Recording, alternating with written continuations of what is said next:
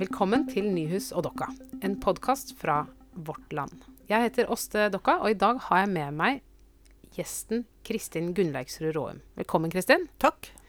Kristin Gunnleiksrud Råum hun er leder for Kirkerådet i Den norske kirke. Og det gjør henne til den øverste demokratisk valgte lederen av 3,7 millioner medlemmer. Det er altså Norges desidert største organisasjon. Og nå er det valgtider, også i Den norske kirke, ikke bare i samfunnet for øvrig. Det skal velges representanter til menighetsråd og bispedømmeråd, og dermed også til kirkemøte. Det er altså Stortinget til Den norske kirke, hvis vi kan si det sånn. Jeg har invitert Kristin hit fordi jeg lurer på om kirka kan bli for åpen. Kristin er valgt inn på kirkemøtet for Åpen folkekirke. Og for dem som ikke kjenner til Åpen folkekirke, så er det vel antagelig Norges første kirkepolitiske organisasjon. Den stiller lister i alle bispedømmer og kjemper for inkludering på ulike måter. Og det er pga. Åpen folkekirkes gode valg for fire år siden at homofile i dag kan gifte seg i kirka.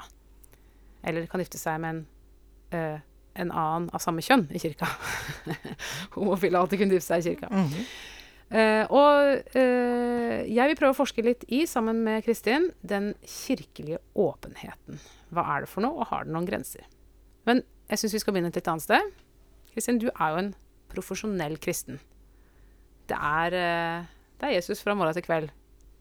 Jeg leste en gang en sånn Ja, du, du hørte at du dro pusten. Du skal få lov til å ja. gi den umiddelbare respons.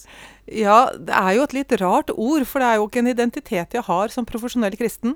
Uh, og i uh, deler av Kristen-Norge så anses jeg nok for å være en ganske dårlig kristen. Og jeg, jeg merker det at overfor noen så kan jeg si akkurat hva jeg vil, men det de hører, det er noe som er Uh, i strid med Bibelen eller veldig lite kristelig. Jeg husker en gang uh, etter at jeg hadde holdt tale som leder på kirkemøtet. Uh, så var det en som fikk en tilbakemelding om at det er så trist med en kirkerådsleder som aldri snakker om Jesus. Og så tenkte jeg at dette må jeg bare finne ut av. Så jeg gikk tilbake og telte, og jeg hadde nevnt Jesus 14 ganger. Og så tenkte jeg at jeg må jo finne mer ut av dette, så jeg telte gjennom de talene jeg har holdt som kirkerådsleder på kirkemøtet, og fant et snitt på 10,6. Eh, og det lå mye, mye, mye høyere enn mine forgjengere, som hadde et mye mer kristelig rykte. Så selv om jeg jobber med kirkelige spørsmål, eh, og eh, for så vidt er det, eh, det er kirke fra morgen til kveld. Uh, men uh, jeg er ikke sikker på om, uh, om, alle anser meg for å være en god nok kristen. Og det som vel er aller mest alvorlig, kanskje, det er at det kan være ganske krevende å bevare kraften i en tro når man jobber med denne type spørsmål som er knyttet til kirkeorganisering, eh, alt det som er rundt. Fordi troen Min tro er både avhengig av det fellesskapet som, eh, som bærer troen, og det man tror sammen med, men det er også Troen er også I hvert fall er det sånn for meg at jeg trenger å være ganske hudløs og naken for Guds ansikt for at troen skal uh, få liv. Uh, og for at troen skal utvikle seg. Så uh, ofte lurer jeg på om nettopp det at jeg håndterer Kirken i så mange strukturelle, organisatoriske perspektiver. Og det av og til kan gjøre det vanskeligere å finne frem til nettopp hudløse, det hudløse møtet med Jesus. Ja, jeg leste om en kokk en gang som fortalte, han restaurantkokk, og fortalte at han, når han kom hjem og skulle spise middag, så laget han bare Grandiosa. At uh, da, var det, da, var det, nok. Da hadde han liksom brukt opp uh, alle alt han hadde av uh, gastronomisk energi på å servere andre mat, og ja. ikke, fant ikke det hjemme. Hvis, hvis det, altså, det bør jo ikke være sånn at er man tillitsvalgt eller ansatt i, i en eller annen kirke eller kirkelig organisasjon, så skal det gå på troen løs. Men, men jeg tror man må ha et veldig bevisst forhold til hvor troen får næring, for at det ikke skal glippe. Også fordi at som, som kirkerådsleder så er det så mange Det er så mye sånn å sitte foran i kirkene og på reserverte plasser og eh, sånne ting som har med troens ytre vesen å gjøre. Og eh, man må gjøre en jobb med seg selv for ikke å bli besnæret av eller fornøyd med at det er der troen kommer til uttrykk. Mm, du blir jo veldig sett. Man blir veldig sett, og Jesus advarer jo igjen og igjen. Og det eh, tenker jeg på hver eneste gang jeg går inn i en kirke og setter meg på førsteplassen, eh, på første rad, eh, synlig for alles øyne. Så tenker jeg på hvordan Jesus advarte kraftig mot dem som sitter foran i synagogene og ber så folk ser det. Uh, og det har gjort at jeg uh, må gå også i etterkant mange runder med meg selv for ikke å bli uh, høy på trospæra. for ikke å ikke å være fornøyd med å sitte foran i synagogen og tro så mm. folk ser det. Jeg må finne mine indre rom for troen. Og jeg har erfart at troens og kjærlighetens rom ligger veldig, veldig nært hverandre. Så dette, dette stillheten og nærhetens og nakenhetens uh, rom, der finner både kjærligheten og troen uh, sted. Og det blir jeg stadig mer avhengig av. Ja, fordi jeg tenker jo man kan, man kan uh tro man kan eh, Nerven i ens tro kan jo være så mye forskjellig fra menneske til menneske. For noen ja. er det jo ting man gjør, og det er en praksis. Det er et eller annet som man driver med. Enten det nå er å være grei med folk, eller eller det er å, å uh, be, be, til faste tider, eller om det er Ja, det kan jo være mange slags typer praksiser. Og for andre så handler det om å, å, tro liksom kognitivt. Altså jeg tror på det og det og det, og dette er det innholdet som jeg står for, og dette er liksom Jeg kan, jeg kan fortelle deg hva min tro er for noe, for det har et, et begrepsmessig innhold. Eller så det, kan det også være mer på den sida at det er noe man kjenner på, noe man føler, og noe man har liksom som en, som en emosjon, nærmest. Altså noe man, man mm. opplever. og en sånn dimensjon i følelseslivet. Og så som du snakker om det, tenkte jeg egentlig mest på det siste. At det høres ja, sånn ut. Eh, og det er så fint at du sier det, eh, fordi um, Kanskje har vi noen sånne uh, uformelle hierarkier for hva som er ordentlig tro, uh, og at du skal kjenne skikkelig på det for at det skal være verdt noe. Uh, og kanskje har jeg også vært preget litt av det. For jeg satt i, i mange år så satt jeg i kirkebenkene og følte på mye skam over troen min. Uh, og dette var i årene jeg var menighetsrådsleder og, og, klokker og drev søndagsskole og var sånn sett flink til å tro. Men så var det, det var akkurat som jeg mistet noe av det, og da begynte jeg Da kom det behovet for å eh, finne frem til en en inderlighet som jeg egentlig ikke har med meg hjemmefra, eller som, som uh, hører til den tradisjonen jeg er en del av. Uh, men jeg tror at nettopp fordi jeg har vært så flink på det ytre, og vært altfor opptatt av å være flink til troens ja, Det blir egentlig feil å si ytre rammer, for det er jo like altså, Det er jo like bærende av et innhold, det som andre former for, for tro. Men, men, for meg så ble det slik at jeg kjente på en, en skam etter hvert over at jeg var så opptatt av å være flink til å være klokker og lese teksten bra og øh, holde gode søndagsskoler. Um, så um, Og da uh, skammet jeg meg ofte over at jeg ikke kjente noe mer. At jeg bare satt der og var flink pike i kirken. Uh, men det som jo har skjedd, altså grunnen til at jeg har utviklet en sånn trang til å kjenne på noe, det er vel kanskje et behov som er oppstått fordi det har vært så mye Og da er ikke troens ytre rammer gjennom liturgi. Eh, for jeg kommer jeg, Du får meg aldri til å nedsnakke liturgi som en, en, helt reell måte å tro eller uttrykke sin tro. Så det er vel kanskje nettopp disse faste plassene og å sitte foran i kirken eh, som har skapt en, en trang til noe eh, noe annet, noe annerledes eh, enn det. Så eh, Og hva, og hva gjør du da? Har, har du noen ting som du, som du på en måte oppsøker som er annerledes enn det å sitte fremst i Nidarosdomen, liksom? Er det, ja. Er det noen helt konkrete ting du gjør Jeg oppsøker eh, mye musikk eh, og kunst. for deg selv? for meg selv.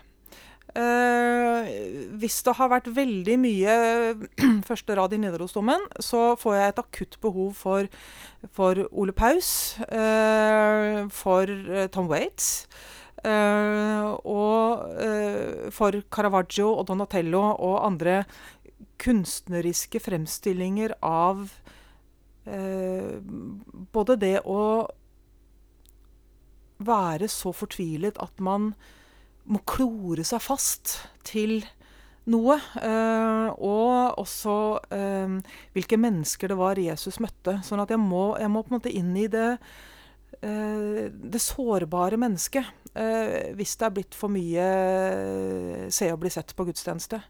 Eh, og hvis jeg har vært, vært for opptatt av eh, å kle meg skikkelig, så får jeg veldig ofte en, eh, en motreaksjon, og da må jeg inn i det vonde, det såre, der hvor eh, troen er et skrik.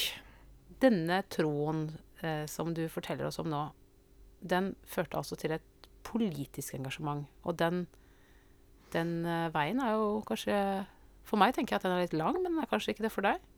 Hva, hva var det som gjorde at dere Nei. følte at, dere skulle, at Åpen folkekirke trengtes? For det første så har jeg alltid kjent på eh, at det at eh, LHBT-personer opplevde seg utestengt av kirken, det var nesten ikke til å holde ut. Og jeg har alltid kjent at hvis det, hvis det ikke er plass til homofile og lesbiske, så er det egentlig ikke plass til meg heller. Og Derfor kjenner jeg jo på en stor takknemlighet overfor Åpen kirkegruppe og Kim Friele og andre som har gått opp kjærlighetens rom i samfunnet og i kirken, også på mine vegne. Selv om jeg ikke kan skryte på meg å være skeiv, så tror jeg jeg er ganske skakk. Så jeg kan kanskje få være med likevel. Eh, så dette, eh, dette engasjementet har jo i vel så stor grad hatt en teologisk drivkraft. At kirken, kirken kan ikke være sånn at en gruppe av mennesker opplever at de ikke kan stå oppreist for Guds ansikt som, som den de er, eh, og overfor eh, den de elsker. Så handlet nok etableringen av Åpen folkekirke også at jeg hadde sett så mye hvordan makten foregikk i lukkede rom. Eh, for det har alltid vært makt. Det har alltid vært posisjoner. Det har alltid vært grupperinger i kirken eh, som har ligget til grunn for beslutninger og retning. Men jeg erfarte eh, og var frustrert over at dette foregikk på en sånn måte som det var vanskelig å holde oversikt over. Hvem som snakket med hvem, og hvem som ledet hvem, foregikk ikke bare det skjulte, selvsagt. Vi, jo, vi har jo alltid hatt organer eh, hvor, hvor, beslutninger har vært fattet. Og i Den norske kirke så har, jo, eh, har vi jo hatt eh, kirkeråd og kirkemøte i mange år.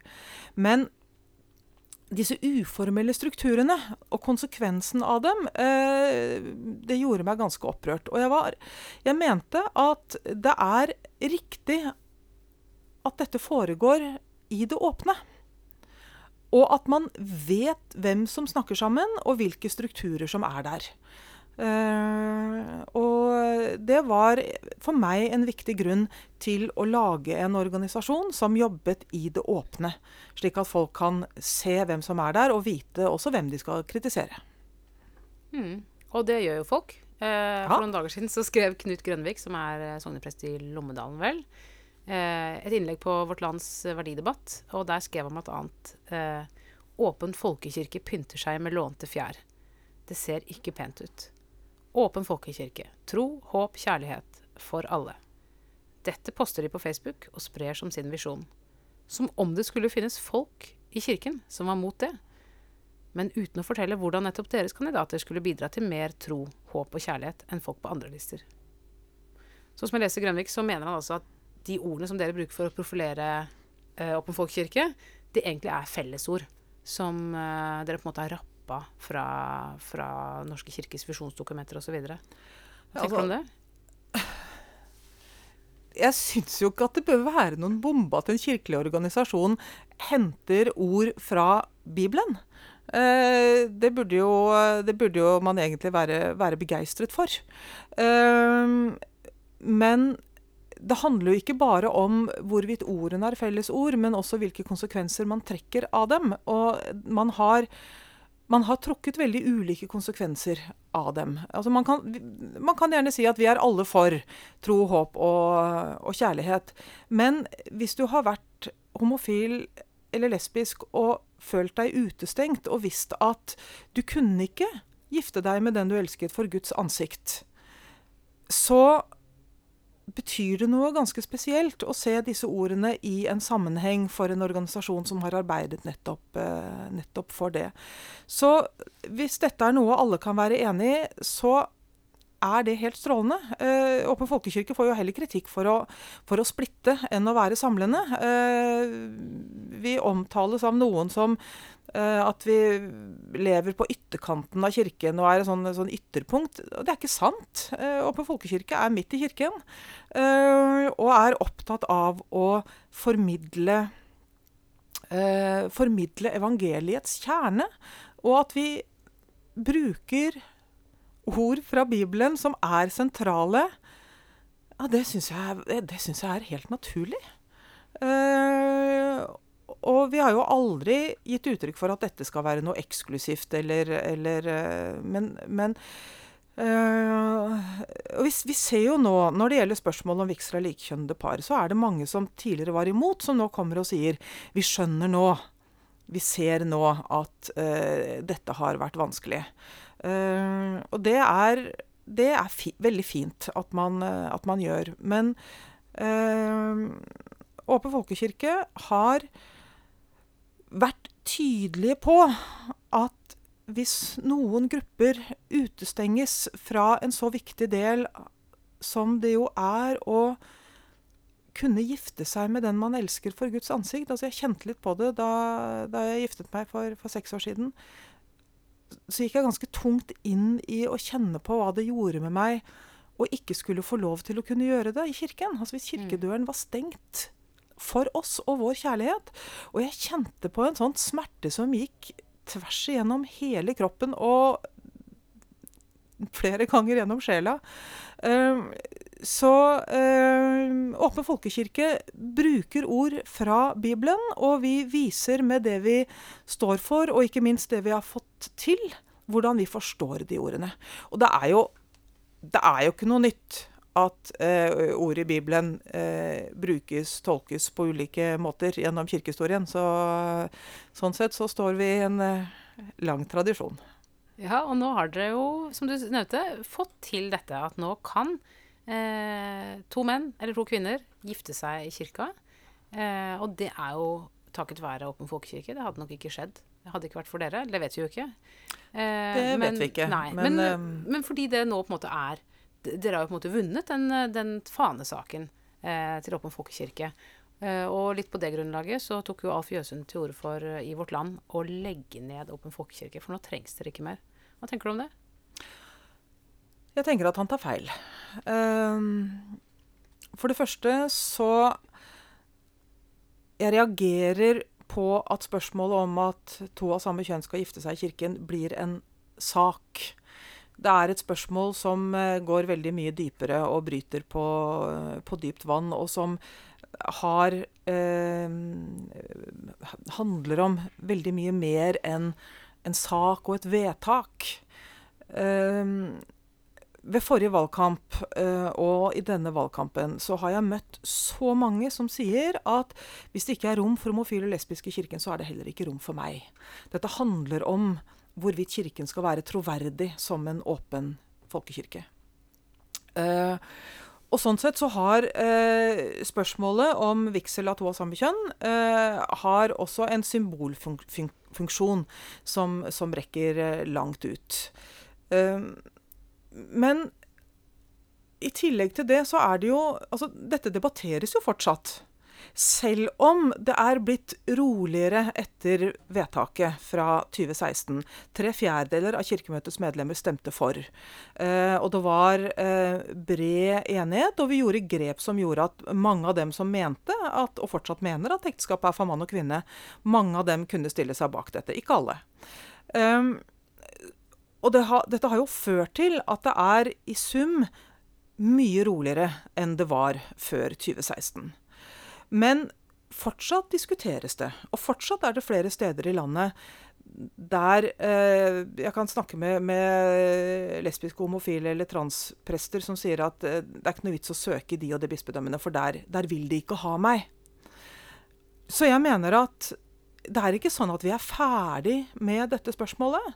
Vi må, vi må kontinuerlig arbeide for at Kirken skal oppleves som et sted der det ikke er forskjell på folk. Der eh, noen føler at det er eh, høye terskler pga. hvem de er, eller for hvem de elsker. Det er fortsatt sånn. Eh, og i noen deler av landet så er dette en virkelighet som man eh, opplever jevnt. Eh, debatten kan fortsatt være ganske hard. Og jeg mener at det er naivt å si at nå er kampen vunnet en gang for alle. Vi må fortsatt arbeide for, kjempe for, på bred basis at Kirken skal oppleves som et sted der man er god nok for Guds ansikt. Og jeg sa innledningsvis, innledningsvis at, at, vi skulle snakke om kirka kan bli for åpen. og det spørsmålet stiller jeg av flere grunner. Og jeg tenker at det kan jo Vi kan jo se for oss at den åpenheten som dere er med på å skape nå i Åpen folkekirke, eh, hvor det er kvinner og homser og transer og alt mulig sammen eh, overalt, også kan gjøre at noen andre vil føle seg ekskludert fordi deres tilhørighet i kirka har vært bekreftende og betryggende, og den har alltid vært slik. Og nå er det plutselig en helt annen type prest der, og en helt annen type mennesker som dukker opp. Hva tror du om en sånn type funksjon av eh, den nye åpenheten? Kan den også ekskludere? Ja. Øh, nå tror jeg ikke Hvis du spør om eh, Kirken kan bli for åpen når det gjelder hvilke mennesker som ønskes velkommen, så er svaret på det nei. Kirken kan ikke ha lave nok terskler for folk, øh, og skal jobbe kontinuerlig for det. Men øh, den andre siden av spørsmålet ditt kan jeg godt bekrefte. For, eh, og jeg har jo kjent på det selv. Jeg har kjent på det utenforskapet. Å føle at man står for noe hvor man er eh, mindretall eller dømt til å tape avstemminger eller eh, Så jeg tror nok at noen kan kjenne på en, en uro og et utenforskap. Eh, med at det er blitt endringer. Og kanskje noen har eh, tatt for gitt at de uh, føler seg helt selvsagt hjemme i kirken. Uh, og kanskje er det bra for noen å måtte gå noen runder med Uh, å kjenne på litt utenforskap. Altså det, det kan det være. For, det, for, hvis man har hatt en majoritetsposisjon, og så kjenner på en mindretallsposisjon, så kan det være godt å kjenne på noen litt såre følelser. For det, det kan, være, kan, være, nyttig. Um, men så er det spørsmålet om Kirken kan bli for åpen. Uh, og om det fins det da ingen grenser? Jo, så helt åpenbart gjør det det. Ja, Hva slags grenser er det som finnes? evangeliet i seg selv setter jo uh, grenser. Og uh, troen på at Jesus er Guds sønn og sto opp fra de døde, og at han ble sendt til jorden som et frelsesverk, og for å gi oss nåde og barmhjertighet Eh, der ligger, der ligger den absolutte bunnlinja. Det, men det, en, altså, eh, det, det, du sier nå, er jo på en måte teologisk eh, innhold som er et måte, slags minimum. ikke mm, sant? Mm. Men er det et minimum for den forkynnelsen som skjer i kirka, eller er det et minimum for eh, altså er det, er det, snakk om at dette må du tilslutte deg eh, som medlem? Eller er det mer dette må, du, dette må du tåle å høre i kirka? Eller hva, hva er det det betyr? Ja, dette må du tåle å høre i kirka. Uh, vi har jo ikke lagt inn noen, uh, noen sånn miniteologisk uh, eksamen for å være medlem. Og det er jo Altså, jeg syns det, det er utrolig viktig at medlemskap i kirken handler om dåpen. I dåpen, i barnedåpen, bæres man inn. Uavhengig av man, hva man har prestert, og hva man forstår, og hva man har gjort.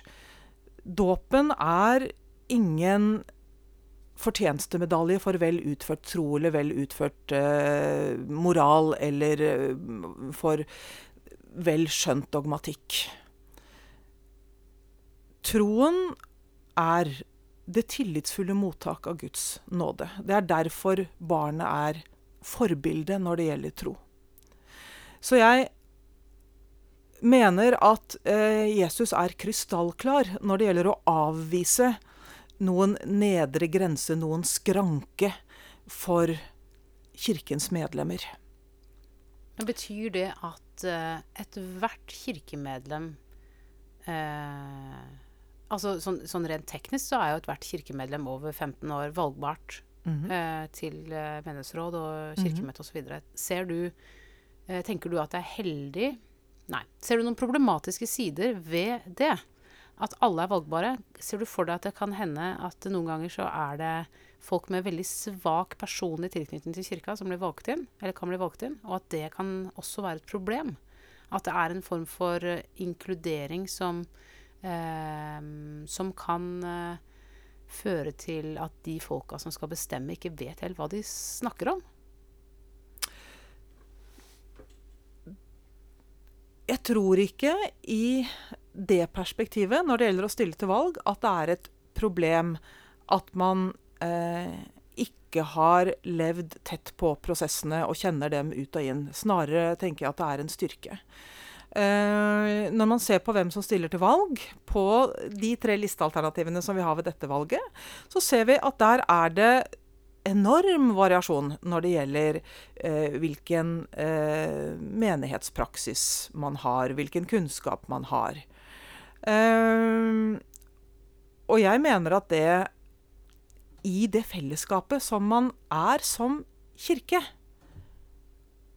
så er nettopp den ulikheten ganske viktig for at ikke eh, det å være med og fatte beslutninger er eh, forbeholdt eh, de som har lang fartstid, eller som har, har eh, kunnskap på et, et smalt felt. Jeg har, jeg, har lært, jeg har lært så mye av dem som sier ja, ja, jeg har ikke all verdens selvtillit på dette og kommer litt utafra og vet ikke helt, men det må jo være sånn. Og jeg merker hvordan Altså, jeg er jo en ringrev i dette. Jeg kan jo det meste, bortsett fra at jeg glemmer litt for mye da, og det irriterer meg. Men jeg kan mye om kirkeordning og uh, den type ting. Og det gjør meg nærsynt, ikke sant? Altså, jeg, jeg, jeg tar meg ofte i, i samtaler med en del tillitsvalgte som ikke har den bakgrunnen, og ser hvor, hvor innforstått uh, jeg gjerne blir, og hvem jeg søker til. Altså, jeg har, jeg har utrolig godt av å lære av Som jeg har hatt samtaler med mange av, av de som stiller på lister uh, nå ved dette kirkevalget.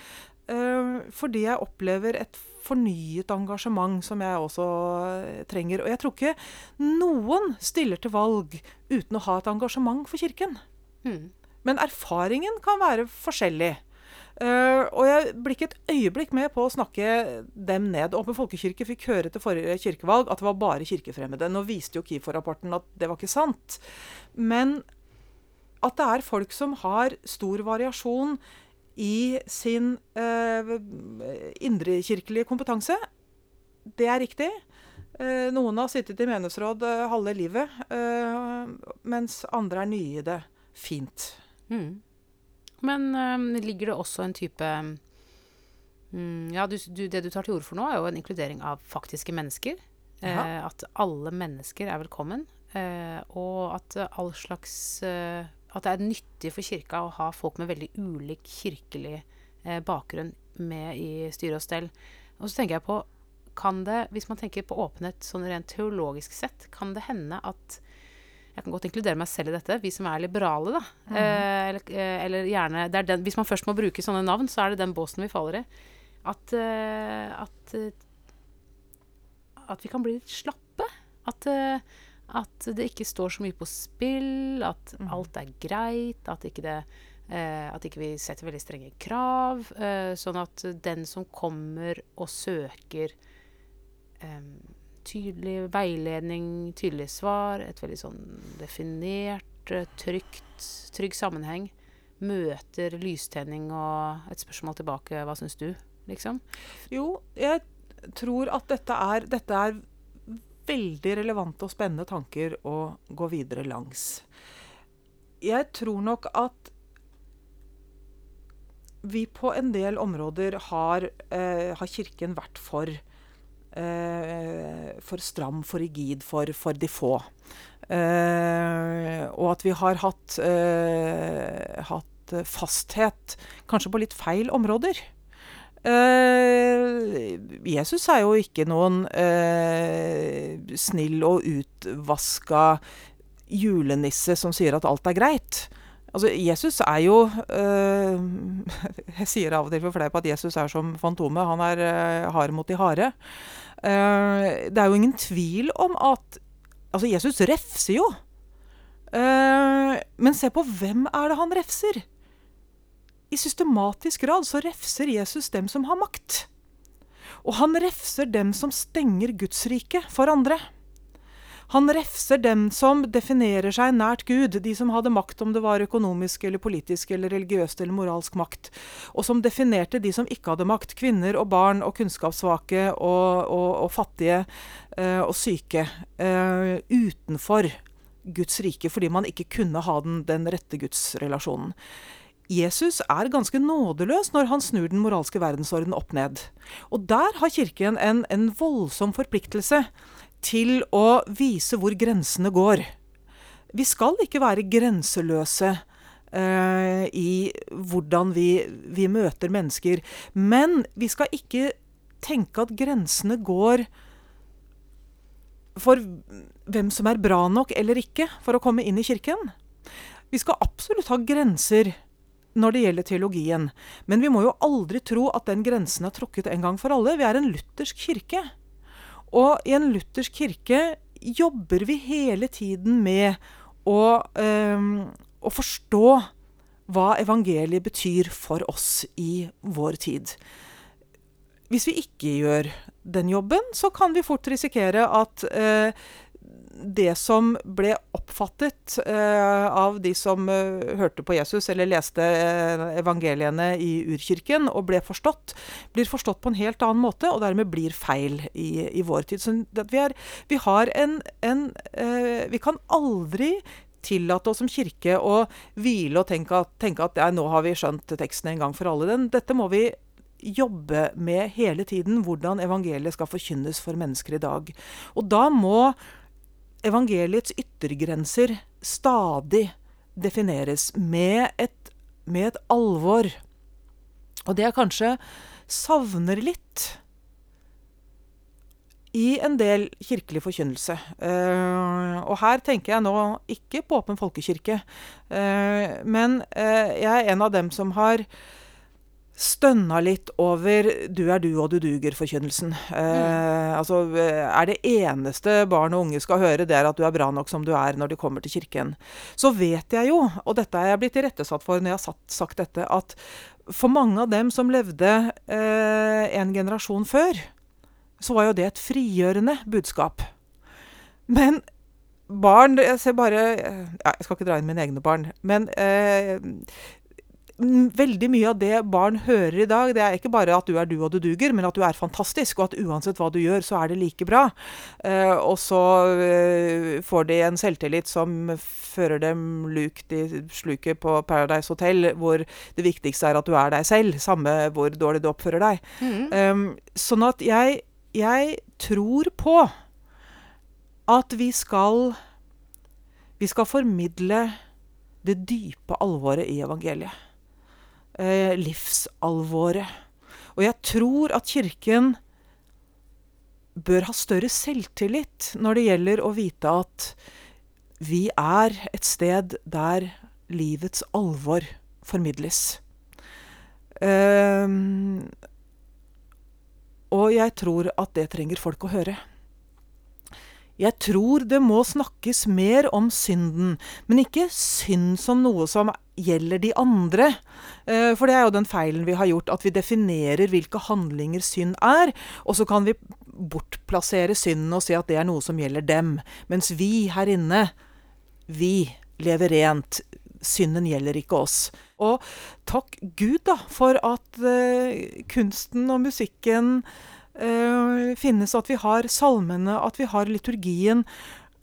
At ordet synd har jo overlevd gjennom liturgien. Uh, og det tror jeg er en av noe vi skal være så ydmykt takknemlige for. At den liturgien som Noe av det har vi hatt i 2000 år, og noe er, noe er yngre. Men det bærer noen av disse evige ordene med oss. Og så sliter vi dem ut av feil bruk, og så kan vi gjenerobre dem. Mm. Og det er jo Jeg tenker jo at sånn som det du har snakka deg god og varm om nå, også, og i og for seg en god del av det andre som kirka sier som er litt refsende, det er jo litt sånn i motfase mot folkekirketankegangen noen ganger. For jeg når du står der som prest foran dette bunadkledde folket som kommer med sin eh, lille, lille, sitt lille barn og skal døpe, døpe, og du tenker at nå skal jeg nå skal jeg si noen refsens ord til oss alle om, om vår synd, og, og, jeg skal eh, snakke om uh, vår unnfallenhet mot klimakrise osv.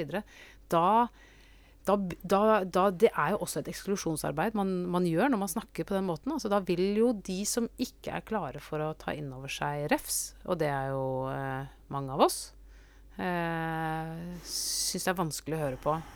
Uh, så jeg kjenner på den spenningen i Eh, å være folkekirke som er en kirke som bekrefter folket, og det å være folkekirke og refse folket. Og det tror jeg mange prester eh, syns er en ubehagelig spenning. Ja, det skjønner jeg godt, og det, det, bør det vel egentlig være. For man skal være veldig nøye med sånt nå.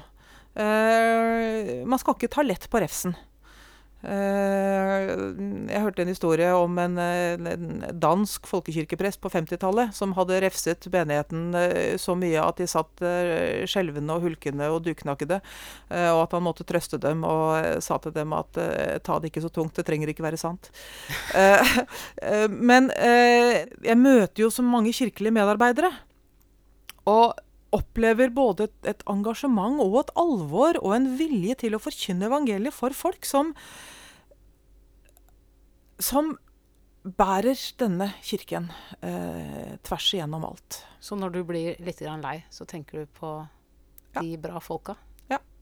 Og ser for meg den diakonen og den kirkevergen og den presten og den trosopplæringsmedarbeideren uh, og det de sa, og det de fortalte om den jobben uh, de gjorde. Og så Ja. Så er jeg ikke fullt så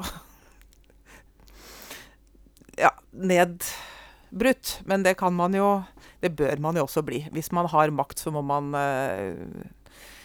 Ja. Man må, man må slåss litt med den. Det skal, det skal være litt ubehagelig. Kristin, tusen takk for at du ville komme til podkasten. Takk for at jeg fikk komme. Produsent har vært Sondre Bjørdal.